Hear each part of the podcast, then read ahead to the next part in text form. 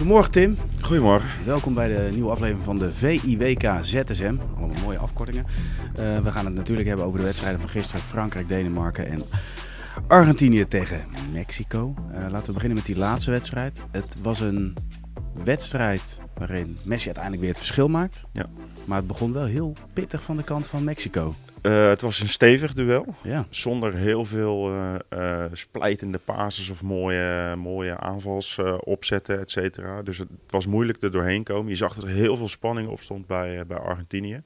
Wederom, hè? Lijkt Ja. dat, is dat dan ook de spanning die vooral ook weer voor Messi geldt? Want iedereen verwacht Nou, toch steeds maar van hem dat hij het even doet. Ja, maar dat komt ook door de manier waarop ze voetballen. Want ze hebben natuurlijk een elftal om hem heen gebouwd. Alles is op hem gericht. Uh, dus dat betekent ook, en hij deed dat gisteren, dat hij het echt moet laten zien. Maar dat betekent ook dat het misschien iets voorspelbaarder is in de opzet. En dat een tegenstander zich daar dus ook eenmaal op kan richten. Ja. Maar ik vond wel, um, toen hij scoorde, wat je dan in zijn ogen ziet, Ja, mooi, is, is, is, zo zie je hem toch niet vaak. Uh, en, en daar zie je wel aan dat die druk enorm is. Maar er is wel meer hoor. Ik weet niet of je die beelden hebt gezien van uh, uh, Pablo Aymar. Volgens mij is dat een van de assistenten van Scaloni. Ja. Die zit op de, in de dugout. En het, het, het, is alsof hij een zenuwinzinking krijgt. Het is echt niet normaal hoe hij uit zijn ogen kijkt, hoe hij beweegt. Hij trilt helemaal. En ik denk dat dat ook wel een beetje symbool staat voor hoe er in ieder geval gisteren naar uh, die wedstrijd van Argentinië is gekeken. Ja. En als je dan ook de kranten leest, het is, het is gewoon één grote opluchting daar. Ze zijn niet uitgeschakeld. En dat was natuurlijk een rampscenario. Ja. Uh, maar goed, ze zijn er natuurlijk nog lang niet. En Messi zal nog een paar keer moeten opstaan om dit land uh, echt helemaal uh, in Hosanna te krijgen. Want um, ja, ik blijf er wel bij dat het, het het is wel um, voor een tegenstander redelijk simpel om te kijken hoe je ze aan moet pakken. Ja. Het gaat namelijk allemaal om Messi.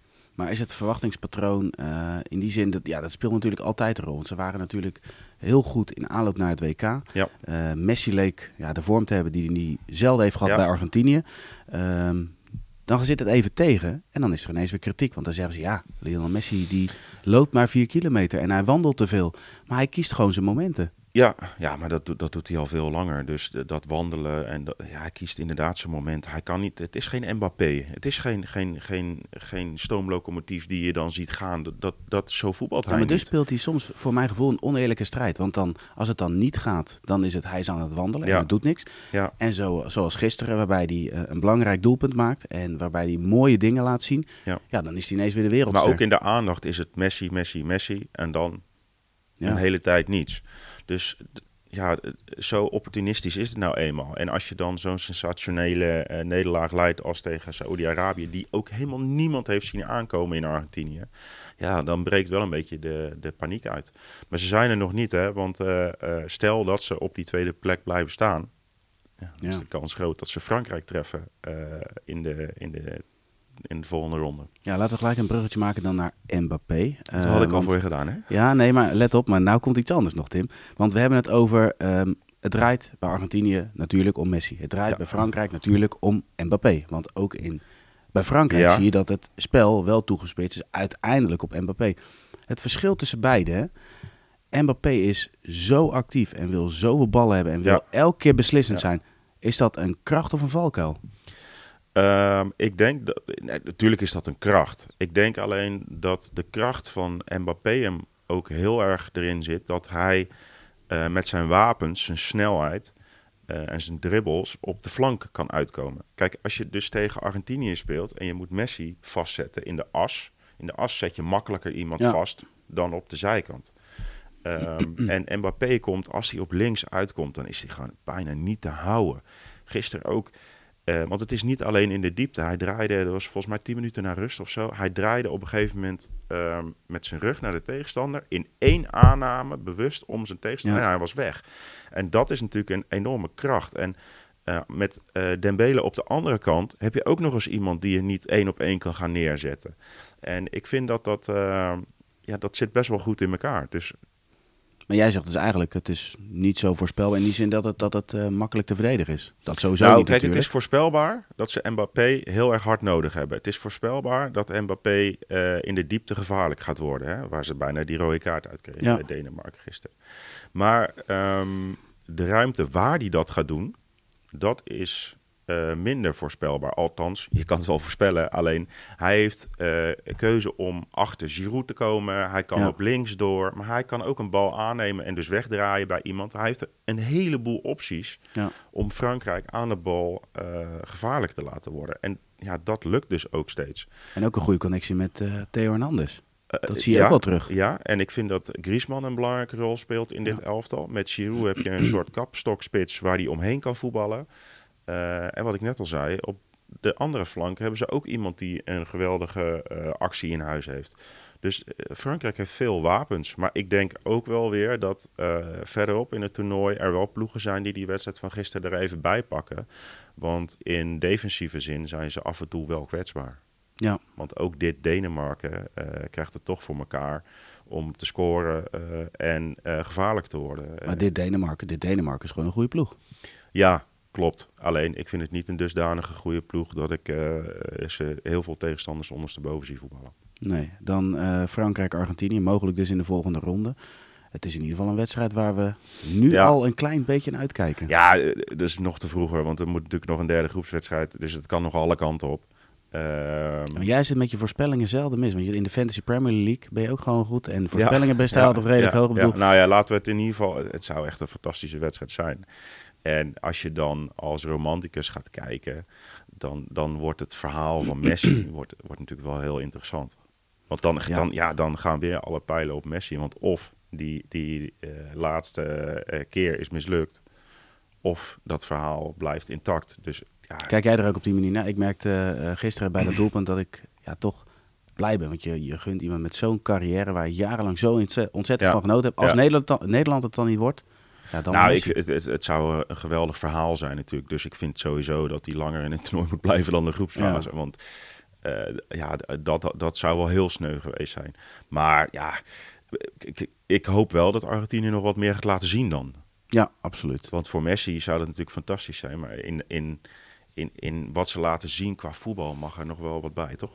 Eh, zeker, maar goed, misschien eh, dat de volgende keer Enzo Fernandes eh, gaat starten. Was trouwens in de wekelijkse podcast met Suleiman, is hij al regelmatig aan bod gekomen, is een tip. Maar goed, wij gaan door naar de volgende onderwerpen, Tim. En we pakken het meest gelezen item op VI Pro. En dat is eigenlijk ehm, nou ja, een, een oproep van Sam Planting. Wie gaat ja, Nederland helpen in de opbouw, behalve Frenkie de Jong? Want het probleem is eigenlijk, en dat gaf Van Basten ook wel weer in, in het geval van Virgil van Dijk. Die kreeg kritiek dat hij alleen maar Mhm. balletjes breed speelde. Maar dat probleem is veel breder. Want eigenlijk eh, wat de analyse laat zien, of in ieder geval de statistieken laat zien en waar Sam vervolgens dieper op ingaat, is dat Nederland eigenlijk niet in staat is om veel door de linies te spelen. Dus Ja. het volgende station te bereiken. Ja, en ehm, dat is ook wat eh, eigenlijk alle internationals eh, die we met VI gesproken hebben, ehm, in de catacombe al vertelden. Net als tegen Senegal was het aan de bal niet goed genoeg.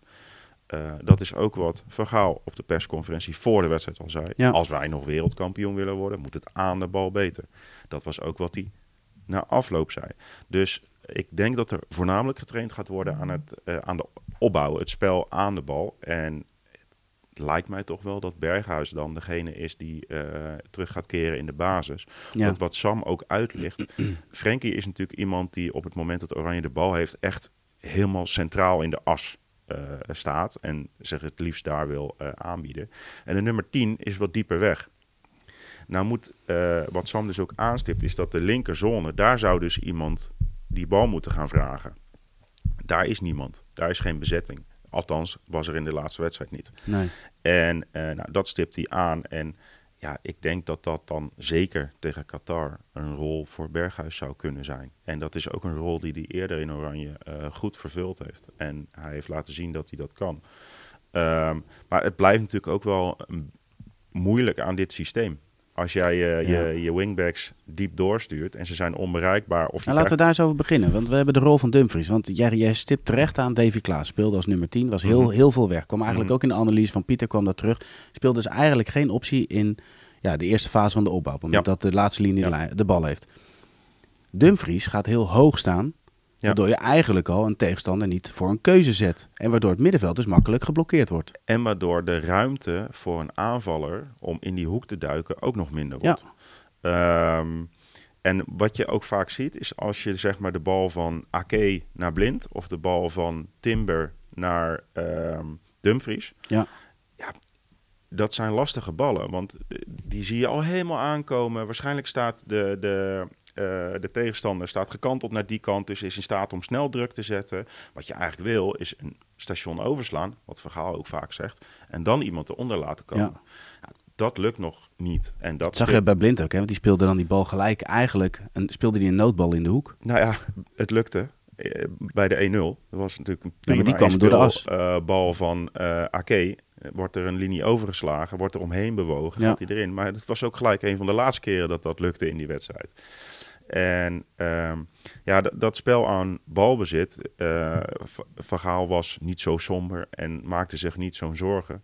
Ja, ik denk dat het spel in balbezit wel zorgen moet bieden. En ik denk en ik hoop dat daar flink eh aan gesleuteld wordt. eh Ja, maar het is toch ook wel duidelijk dat het systeem gemaakt is op het moment dat je tegen sterkere tegenstanders speelt. En Ja. nu heb je natuurlijk ook tegen minder sterke tegenstanders gespeeld. Ja. En dan is dus de vraag van, hou je dan vast om in ieder geval de speelwijze te laten ontwikkelen? Of stap je er soms vanaf? Volgens mij moet je nu niet een, eh, van tactiek gaan wisselen. Je moet gaan fine-tunen. Hooguit tijdens de wedstrijd, wat hij tijdens het WK 2014 deed. Dat deed hij vaker, heeft hij nu nog niet gedaan. Ehm, het zou kunnen, maar volgens mij eh, eh, zijn ze meer bezig met het fine-tunen van het spel in balbezit in deze tactiek.